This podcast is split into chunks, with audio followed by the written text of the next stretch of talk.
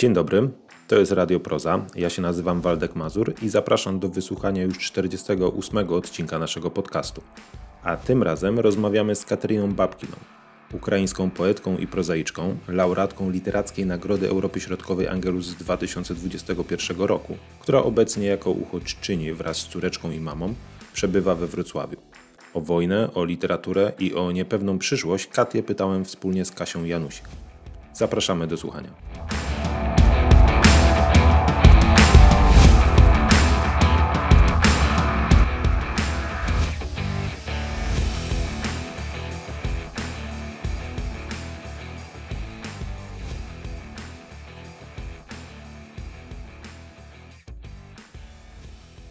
Rozmawiamy w takiej zabawnej konwencji. E, My zadajemy pytania po polsku, ty odpowiadasz po angielsku, chociaż jesteś Ukrainką. Wyjaśnij, skąd znajomość angielskiego, tak dobra znajomość angielskiego i skąd tak dobra znajomość polskiego, chociaż tutaj po polsku nie chcesz odpowiadać. Um, hi. Cześć. Zasadniczo Ukraińcy uczą się angielskiego w szkole, więc y, lepiej lub gorzej, ale mówią po angielsku. A jeśli chodzi o mnie, to y, zawsze dużo podróżowałam i w sumie dalej podróżuję. Y, Pracowałam jako dziennikarka, y, mam wykształcenie w zakresie dziennikarstwa do spraw międzynarodowych, y, a to również związane jest ze znajomością języków.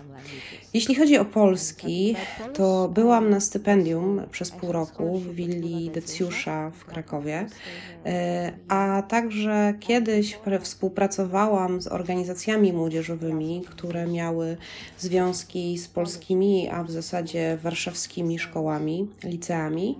E, No i mówię też trochę po polsku, bo te dwa języki, ukraiński i polski, są bardzo podobne e, pod względem słownictwa, a nawet gramatyki. Ale też dlatego niechętnie teraz mówię po polsku, bo e, moja polska gramatyka i polskie słownictwo to trochę wytwór e, mojej wyobraźni. Przetwarzam e, ukraińskie słowa i struktury gramatyczne, żeby były podobne do polskich, ale nie są wcale poprawne i tak naprawdę nie są polskie. E, Prawda jest taka, że mogę Cię zrozumieć, e, jak widać, e, ale nie podoba mi się też, że zaczęliśmy od e, takiego stereotypu, że ludzie z Ukrainy nie mówią po angielsku, bo mówią. W Polsce też uczymy się angielskiego w szkołach, to jest ten język wiodący, ale później to wychodzi różnie. Ale okej, zostawmy ten temat. E, Jesteśmy w prozie, klubie Proza we Wrocławskim Domu Literatury. Tutaj w ubiegłym roku, w październiku, świętowałaś e, otrzymanie Literackiej Nagrody Europy Środkowej Angelus. Dzień później tutaj rozmawiałaś e, z Piotrem Śliwińskim na scenie jako już e, laureatka Angelusa, czwarta z Ukrainy. Jakbyśmy się cofnęli do tamtego czasu, jesieni 2021 roku, jak bardzo prawdopodobne albo nieprawdopodobne wydawało ci się wtedy, mogło się wydawać wtedy, to, że za kilka miesięcy Rosja wypowie otwartą wojnę Ukrainie? If you ask this to me, like Gdybyś zadał mi to pytanie w październiku 2021 roku, powiedziałam Ci, że nie ma mowy. To niemożliwe. O czym my w ogóle mówimy? W środku Europy, pokojowe państwo, kulturalni, cywilizowani ludzie, po prostu nie ma mowy. No cóż, myliłam się. E, Nie wierzyłam, że to się może wydarzyć, e, dopóki pierwsze bomby nie spadły na Kijów. I wydaje mi się, że jakaś część mojej świadomości wciąż tego nie akceptuje. Wciąż nie mogę w to uwierzyć.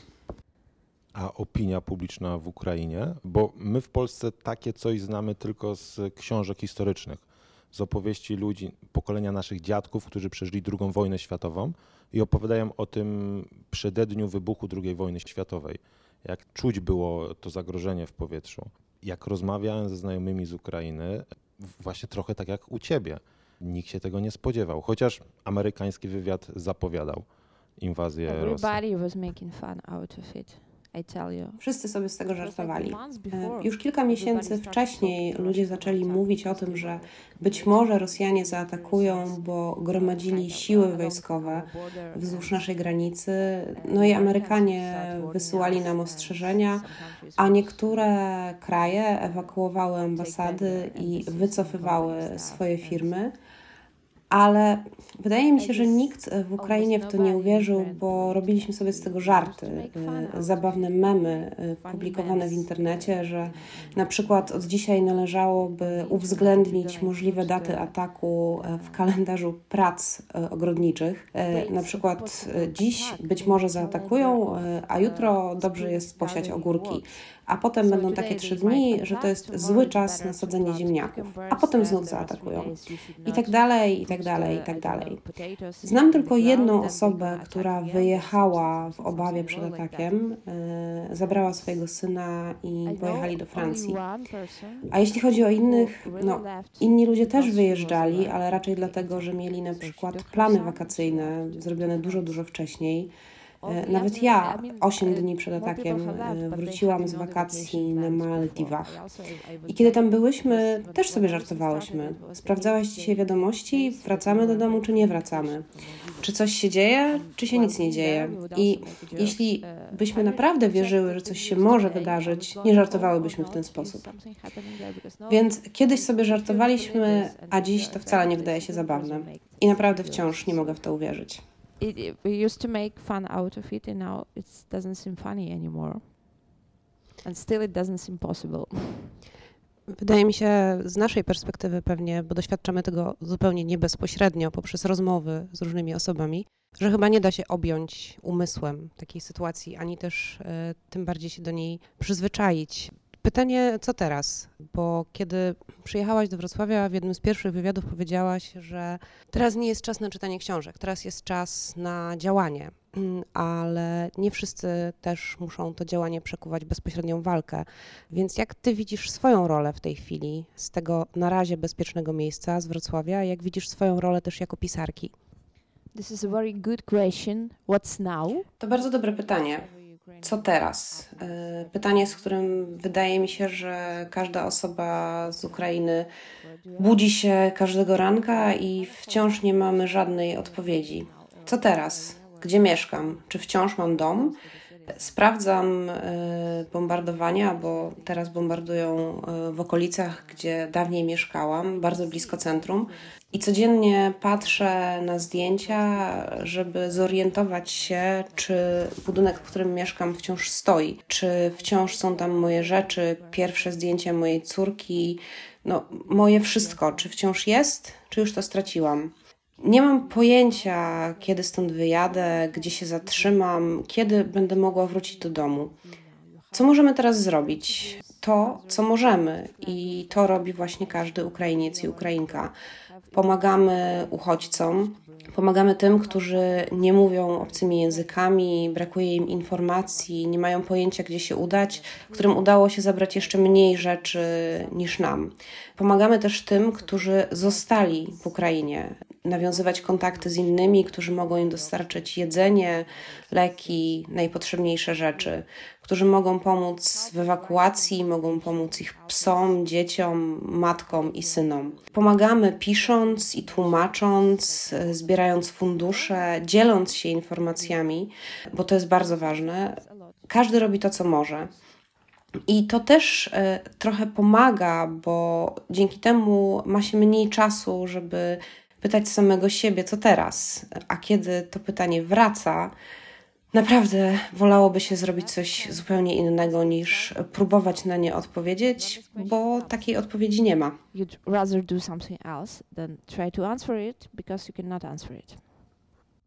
A czy pisanie jest teraz w ogóle możliwe? Dużo teraz piszę do gazet, do czasopism, do internetu. Czy byłabym w stanie stworzyć jakąś prozę lub poezję? Nie jestem pewna. Jeszcze nie próbowałam. Czyli teraz jesteś bardziej dziennikarką niż e, pisarką? I must admit I'm refugee now. Przede wszystkim jestem teraz uchodźczynią. To jest ta główna tożsamość, e, która objawia się za każdym razem, gdy próbuję kupić cebulę w sklepie albo gdy chcę zatankować samochód, e, bo nie wiem, jak to się tutaj robi. W Ukrainie było inaczej. Tam najpierw płacisz, potem idziesz tu, potem idziesz tam, e, a tutaj wszyscy są zagubieni i właśnie ta tożsamość, tożsamość uchodźcy raz za razem staje się dominująca. Czy jestem dziennikarką? Chyba raczej publicystką. Od dawna już e, nie pracowałam jako dziennikarka, chociaż oczywiście wciąż mam swoje zdanie, obserwacje, którymi się dzielę i to, co widziałam i co wiem. E, pracuję też przed wojną, byłam szefową komunikacji w firmie, która nazywa się Kind Challenge. Co robiłyśmy? Wymyślałyśmy różne wyzwania, głównie sportowe, ale nie tylko dzięki czemu chciałyśmy zaangażować ludzi we wspieranie organizacji charytatywnych poprzez zabawę i w bardzo ułatwiony sposób. To, co ważne, to że stworzyłyśmy bardzo dużą bazę, wciąż ją mamy, sprawdzonych e, i godnych zaufania organizacji charytatywnych i pozarządowych, które działają w Ukrainie. Więc jeśli ktoś e, przekazywał im środki przez nas, e, mógł mieć pewność, że są sprawdzone i że pieniądze zostaną przekazane na te działania, na które powinny. To jest praca, którą kontynuujemy stworzyłyśmy nową listę potrzeb w tych fundacjach, a teraz jest szczególnie ważne, żeby mieć godne zaufania kanały, przez które można przekazywać e, środki i też, żeby było to łatwe, żeby dało się to zrobić jednym kliknięciem, a nie przez skomplikowane przelewy bankowe. Dlatego też stworzyłyśmy pięć kanałów w pięciu językach: e, po polsku, po angielsku, po francusku, po hiszpańsku i po niemiecku, dzięki czemu różni ludzie mogą przeczytać e, i zdecydować się na pomoc, na pomoc i przekazać środki. Czemu to jest takie ważne? Teraz wszyscy przede wszystkim wspierają armię i kupowanie uzbrojenia. I to na pewno ma sens, ale to wcale nie oznacza, że na przykład rak przestał być problemem. Wciąż są dzieci, które nie mają rodziców, e, ludzie z niepełnosprawnościami, wciąż potrzebują pomocy i wciąż są na terenie Ukrainy. A te fundacje, które im pomagały w przeszłości, teraz mają podwójnie ciężki czas. Nie tylko dlatego, że grożą im bombardowania, ale też dlatego, że dostają mniej i mniej wsparcia finansowego. Dlatego staramy się je promować i teraz robić to na całym świecie, zapraszać ludzi i włączać ich w pomoc ukraińskim fundacjom. To też zajmuje mi trochę czasu i to też jest trochę dzielenie się różnymi informacjami. Także nie powiedziałabym, że jestem dziennikarką, chociaż oczywiście teraz trudno stwierdzić, kto jest blogerem, kto jest publicystą, kto dziennikarzem, kto pisarzem, a kto po prostu ma Twittera. Just has a Twitter. I pomagasz też nam pomagać, bo y, przetłumaczyłaś, my się skupiamy na tych y, ofiarach wojny czy uchodźcach, którzy są w Polsce, są we Wrocławiu, a ty pomogłaś tłumacząc e, wrocławski abecadlik, który dzięki temu między innymi będzie mógł się ukazać w języku ukraińskim. To mój sposób, żeby podziękować za to, co Wrocławski Dom Literatury robi, nie tylko dla mnie osobiście, ale też dla innych osób z Ukrainy, poprzez pomoc y, nie tylko w zakresie znalezienia miejsca do życia, ale też informacji, takiej nawet pomocy jak to, że po trzech dniach na granicy w mieszkaniu czekała na mnie whisky i świeża bielizna. Więc y, to jest mój sposób, y, część podziękowań dla Was. Thank you to you. Z jednej strony Polacy pomagają Ukraińcom. Kilkaset tysięcy osób z Ukrainy, które uciekły przed wojną, już znalazły schronienie, tymczasowe schronienie w polskich domach, e, zaadoptowanych szkołach, akademikach, internatach, tego typu miejscach. E, to wszystko z reguły się odbywa przy takim wsparciu oddolnym. Często nie jest fundowane przez rząd, to ludzie dokładają, poświęcają swoje miejsca noclegowe, swoje mieszkania, oddają, po prostu dokładają do tego wszystkiego. I widać, że strona ukraińska jest za to wdzięczna. Inne kraje europejskie także oczywiście pomagają, ale czy jest pewnego rodzaju też rozczarowanie, bo poza tym takim wsparciem humanitarnym dla osób, które uciekły i wysyłaniem paczek różnego rodzaju pomocy na miejsce, nie ma zbytnio aktywności takiej twardej, politycznej, może, a już na pewno nie ma militarnej. I czasami czytając wypowiedzi ukraińskich polityków, słuchając waszego prezydenta, czuć rozczarowanie Zachodem. Uh, that's true. To prawda. Oczywiście ja mogę tylko wyrazić swoją opinię, y, że Zachód powinien być bardziej aktywny, zarówno pod względem militarnym, jak i politycznym, y, dlatego że według mnie to jasne, że kiedy Ukraina zostanie pokonana, jeśli zostanie pokonana, to on się nie zatrzyma. A Polska i kraje nadbałtyckie są kolejne na liście, a potem będzie szedł dalej i coraz trudniej będzie powstrzymać Rosjan. Wiesz, oni mają naprawdę kiepską armię, to niewykształceni i niecywilizowani ludzie, ale jest ich cała kupa i z niczego nie zdają sobie sprawy. Dlatego wydaje mi się, że to nie jest tylko w interesie Ukrainy, żeby zachować wolność i niepodległość naszego kraju. Oczywiście nie jestem ekspertem do spraw geopolityki, ale nie mam pojęcia, co tak naprawdę powinno zostać zrobione, i wydaje mi się, że nikt tak naprawdę tego nie wie, bo przecież gdyby ktoś wiedział, to już zostałoby to zrobione. Wierzę jednak, że powinno być tego wsparcia więcej. I nie mam tu wcale na myśli ludzi, którzy niosą pomoc, ale właśnie zaangażowanie militarne i polityczne. Political participation also. Niestety to, co powiedziałaś, Rosja ma tą e, shitty army, ale ma też e, broń nuklearną. I myślę, że to jest e, to, co trochę trzyma w szachu NATO, Europę Zachodnią, Stany Zjednoczone. Wspomniałem Wołodymira Załęskiego, prezydenta ukraińskiego od 2019 roku. Postać, która w tej chwili w mediach europejskich, w Polsce urasta do rangi męża stanu, na pewno superbohatera, staje się trochę taką postacią komiksową. Pamiętam, jak w 2019 e, w Ukrainie on wygrywał. Komik, aktor, postać telewizyjna. Tutaj w Polsce przebywał kilka tygodni po wyborach Juri Andruchowicz. Promował swoją książkę. On był bardzo rozczarowany tym wyborem.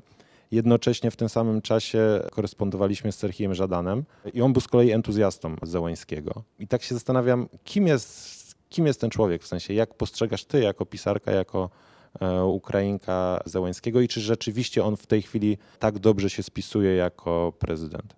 Now he is definitely the president of Ukraine. Teraz zdecydowanie jest prezydentem Ukrainy i robi to wszystko, co powinien w obecnej sytuacji robić.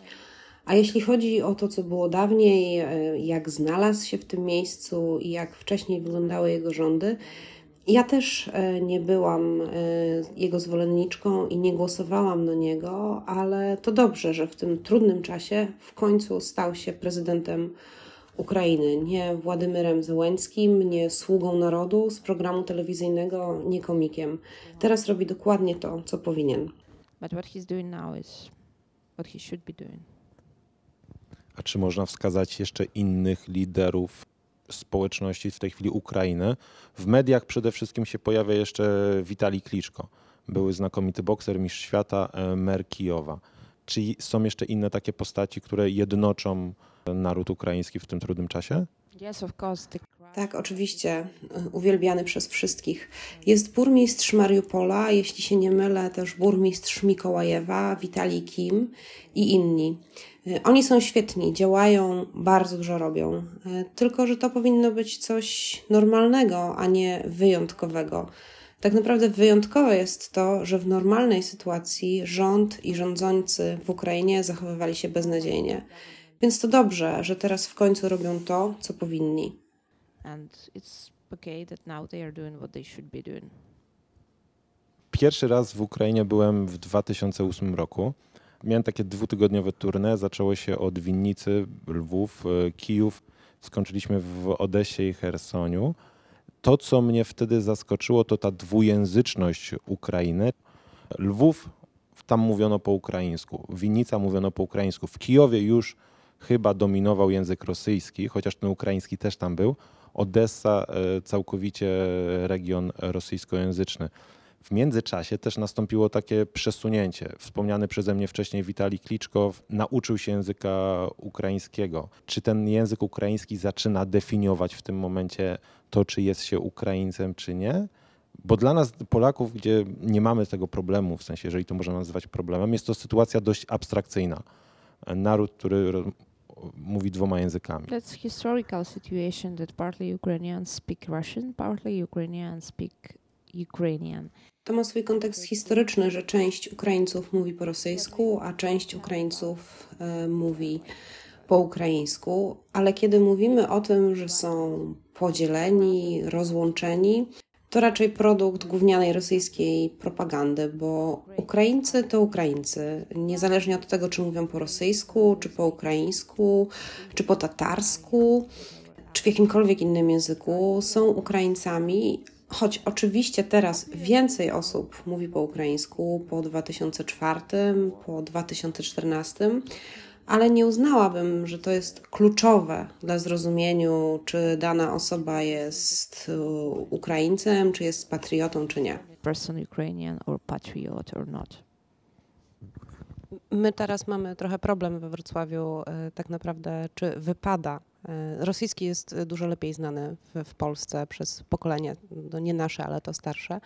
I zastanawiamy się, czy wypada, czy można posługiwać się tak wprost rosyjskim, e, a z drugiej strony przychodzą też do różnych punktów osoby właśnie, które mówią wyłącznie po rosyjsku, więc e, sami trochę nie wiemy, co robić. Uh, you you want me to help you to tell you what to do? I had no idea because you know my mother speaks Russian. Chcecie, żebym wam powiedziała, co robić? Nie mam pojęcia, bo moja matka mówi po rosyjsku i kiedy na przykład idę z dzieckiem na plac zabaw e, i słyszę język rosyjski, natychmiast staję się nieagresywna, ale czuję w sobie złość, bo Rosjanie właśnie dewastują mój kraj, a osoba mówiąca po rosyjsku może być Rosjaninem czy Rosjanką. I myślę sobie, pieprz się, ale oczywiście nic nie robię.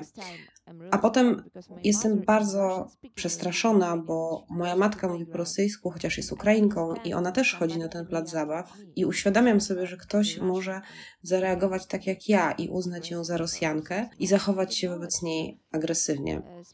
Nie mam pojęcia, co robić. Mówcie po ukraińsku do tych, którzy rozumieją. Mówcie po rosyjsku do tych, którzy nie znają żadnego innego języka. Tak jest okej. Okay. Zresztą nie powiedziałabym, że język rosyjski powinien być uznawany za własność wyłącznie Rosji, państwa rosyjskiego. Nie uważam też, że rosyjska literatura powinna być uznawana za własność państwa rosyjskiego.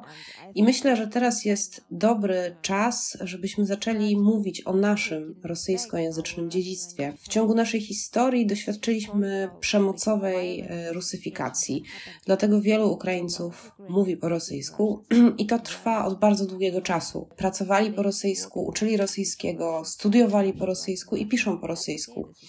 I to jest okej, okay. to jest ciągle nasze, to jest ukraińskie. This is still Ukrainian scenes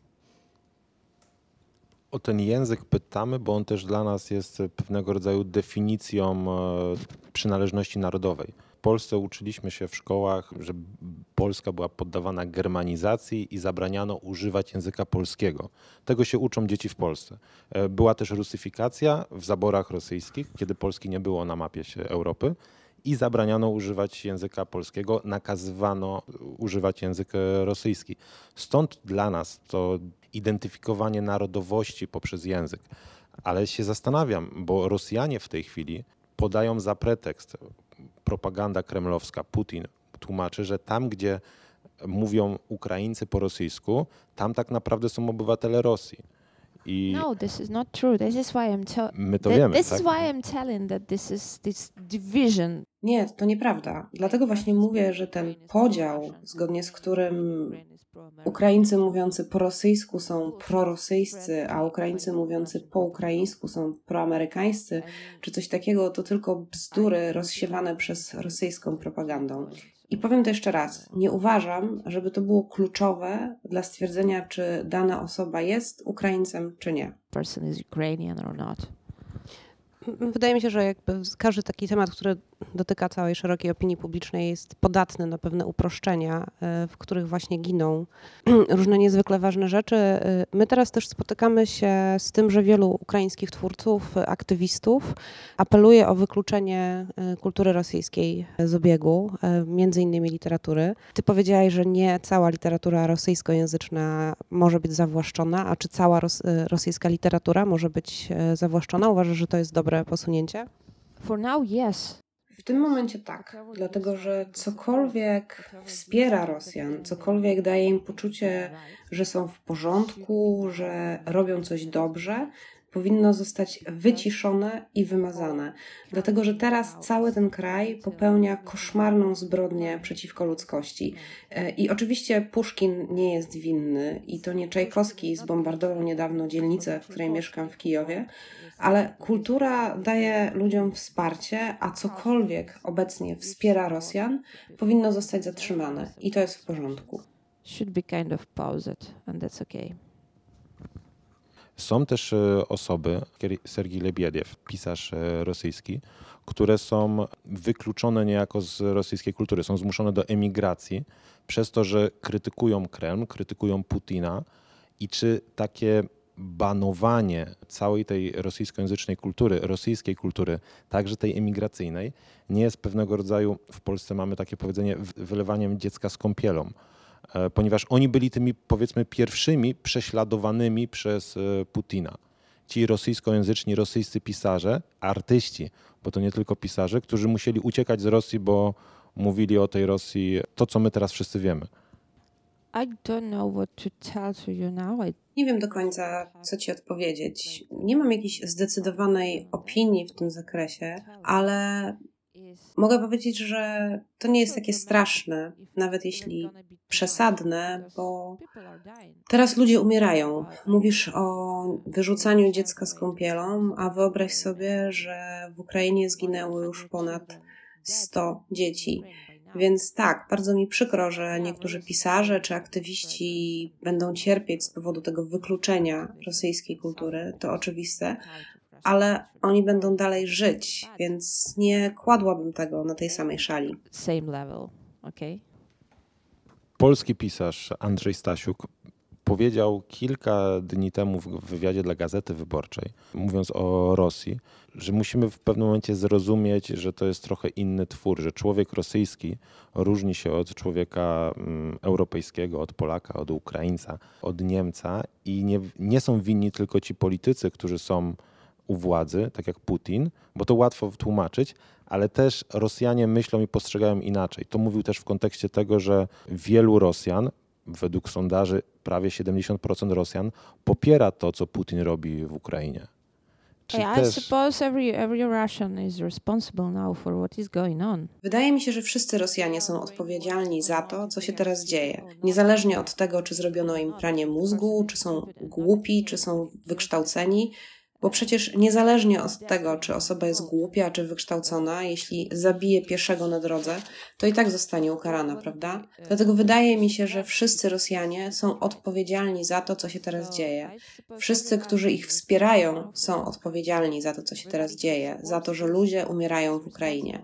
Każdy, kto nie próbuje się temu przeciwstawić, jest odpowiedzialny i powinien ponieść konsekwencje. And should stay responsible for this a przed 2014, zanim e, Rosja najechała Krym i wschodnią Ukrainę, jak Rosjanie byli postrzegani w Kijowie przykładowo?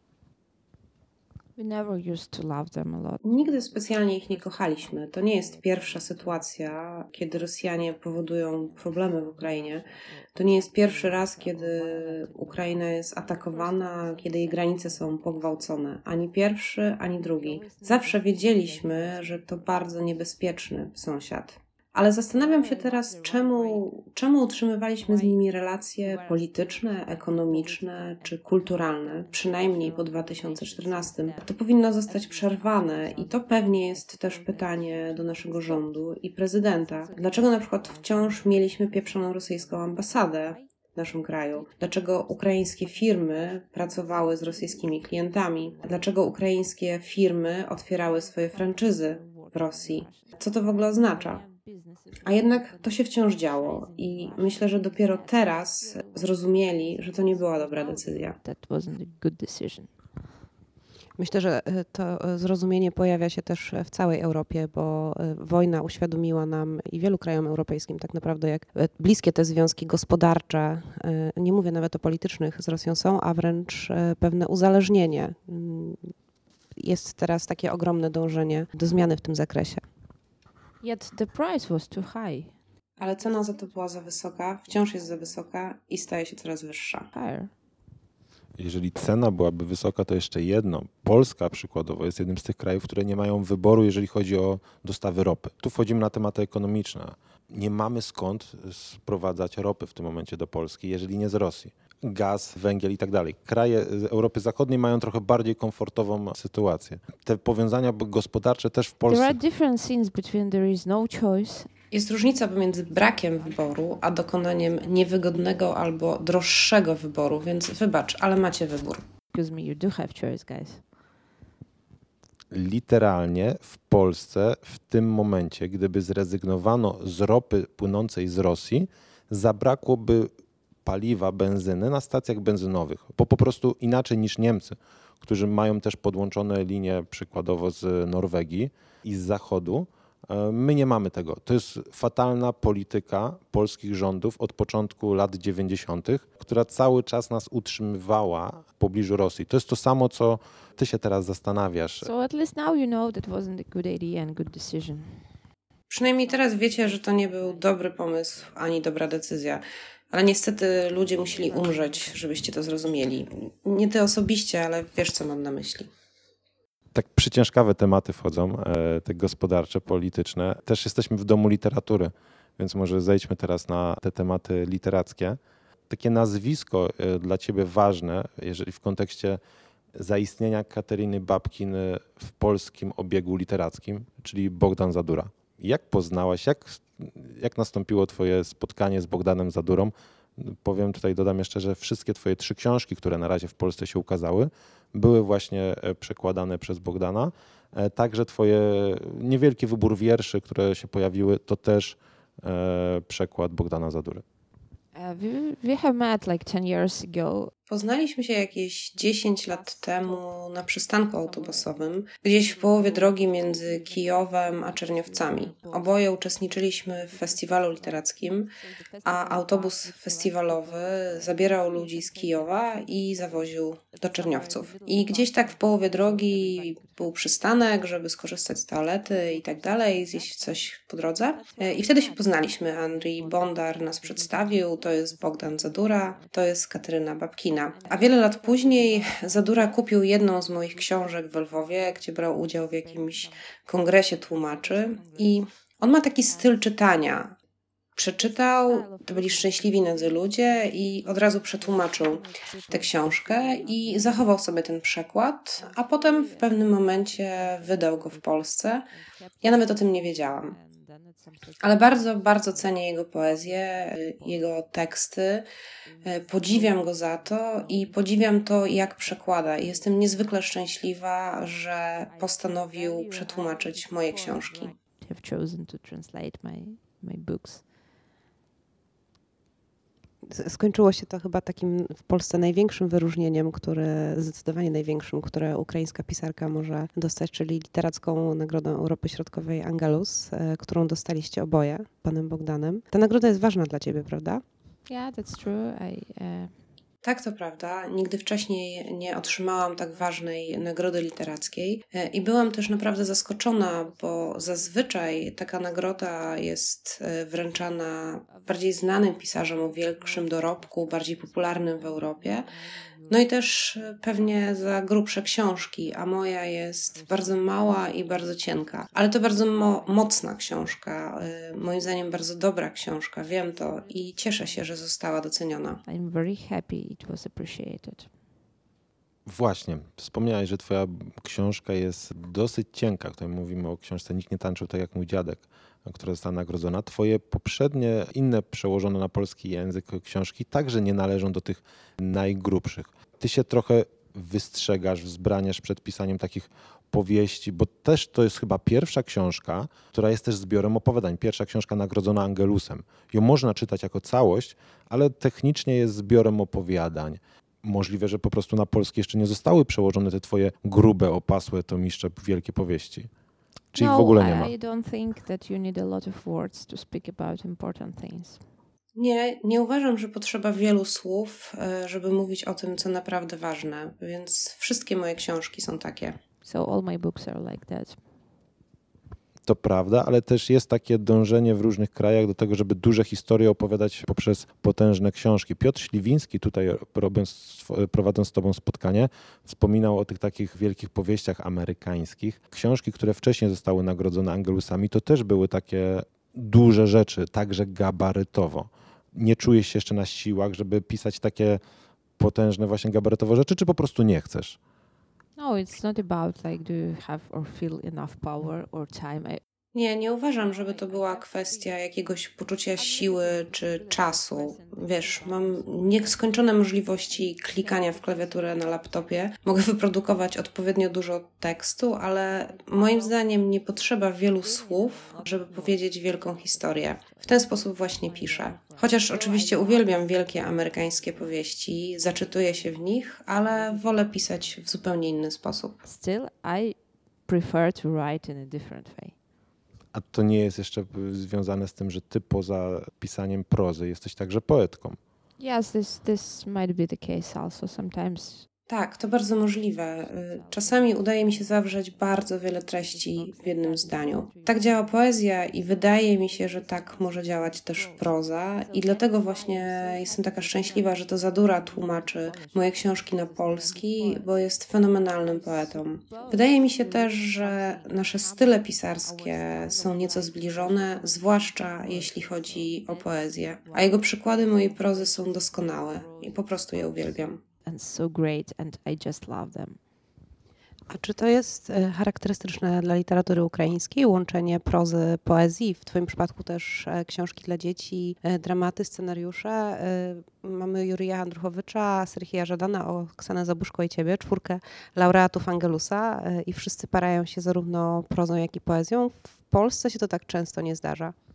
Yes, it's kind of a typical thing for Ukraine. I don't know why. Tak, to typowe dla literatury ukraińskiej. Nie wiem, czemu tak jest, ale jest zdecydowanie więcej osób niż nasza czwórka e, ukraińskich laureatów Angelusa, którzy piszą i prozę, i poezję, i inne rzeczy. And prose and poetry and even something else. A od czego się wtedy zaczyna? Częstsza droga dla pisarki, pisarza w Ukrainie to zaczynamy od poezji, później idziemy w prozę? What we consider as a start to, co uznajemy za debiut, pierwsza opublikowana książka, to zazwyczaj poezja, ponieważ e, łatwiej jest zaistnieć dzięki poezji. Wychodzisz na scenę, czytasz swoje wiersze i ktoś powie: O, fajne, bardzo nam się podoba, wydajmy to. Ale co tak naprawdę można uznać za początek? Zazwyczaj y, zaczynamy pisać wtedy, kiedy poznajemy litery i tworzymy pierwsze zdania. Nie powiedziałabym, że jest coś, od czego się zaczyna i coś, ku czemu pisarz się rozwija. Ja od samego początku tworzyłam we wszystkich możliwych y, gatunkach, a te początki były dużo, dużo wcześniej, zanim cokolwiek opublikowałam. Ale tak, moja pierwsza wydana książka to poezja. But yeah, the first book published was poetry. Tutaj po dzień po otrzymaniu Angelusa opowiadałaś też o rynku książki w Ukrainie. Mówiłaś o tym, że bardzo długo ten rynek książki w Ukrainie po prostu nie funkcjonował. Mieliście bardzo dużo świetnych pisarek, pisarzy, ale nie było wydawnictw, nie było obiegu literackiego. On został stworzony, no i teraz przyszła wojna. Ups. Gdzie widzisz szansę na to, żeby ta literatura ukraińska, która jest wybitna, to pokazuje chociażby wspominany już tak często Angelus, ta nagroda, gdzie właśnie z Ukrainy jest najwięcej laureatów, laureatek. Gdzie w tej chwili może funkcjonować, gdzie może przetrwać literatura ukraińska? Okay, now you're gonna have this cynical response. Moja odpowiedź będzie bardzo cyniczna. Wydaje mi się, że ukraińska literatura, film i inne dziedziny sztuki będą teraz dużo bardziej doceniane na świecie, częściej kupowane i bardziej popularne, bo jesteśmy teraz w centrum uwagi całego świata. Ale co tak naprawdę ludzie kupują? Kupują zabite dzieci. Więc teraz są zainteresowani i skupiają się na ukraińskiej sztuce i w końcu zauważą, że literatura jest świetna, że film jest w porządku, a sztuki wizualne i inne dziedziny są naprawdę fantastyczne w Ukrainie. To brzmi bardzo smutno, ale tak działa rynek. But that is how the market work.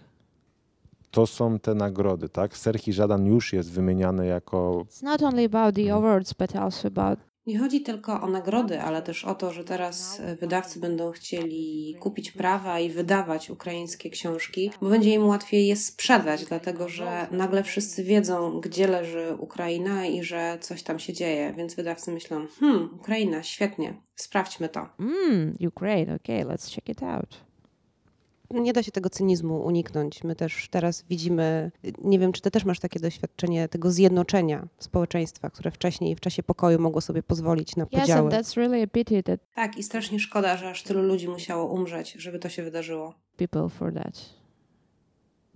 Ale tłumaczenia książek ukraińskich w Polsce, w Niemczech, w krajach anglojęzycznych to jedno, ale co z Ukraińcami, Ukrainkami, którzy powinni czytać po ukraińsku, powinni czytać książki ukraińskich autorów e, nowe, które powinny teraz powstawać. Have you noticed internet exists? Zauważyłeś, że jest coś takiego jak internet? Probably.